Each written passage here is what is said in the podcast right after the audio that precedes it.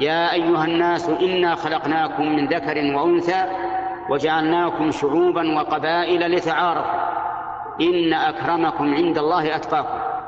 فالله سبحانه وتعالى لا ينظر إلى العباد إلى أجسامهم. هل هي كبيرة أو صغيرة أو صحيحة أو سقيمة؟ ولا ينظر إلى الصور. هل هي جميلة أو ذميمة؟ لا. كل هذا ليس بشيء عند الله. وكذلك لا ينظر إلى الأنساب.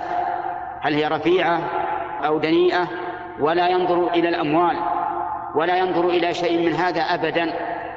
ليس بين الله تعالى وبين خلقه صلة إلا بالتقوى. فمن كان لله أتقى كان من الله أقرب وكان عند الله أكرم. إذن لا تفتخر بمالك ولا بجمالك ولا ببدنك ولا بأولادك ولا بقصورك ولا بسياراتك ولا بشيء من هذه الدنيا أبدا.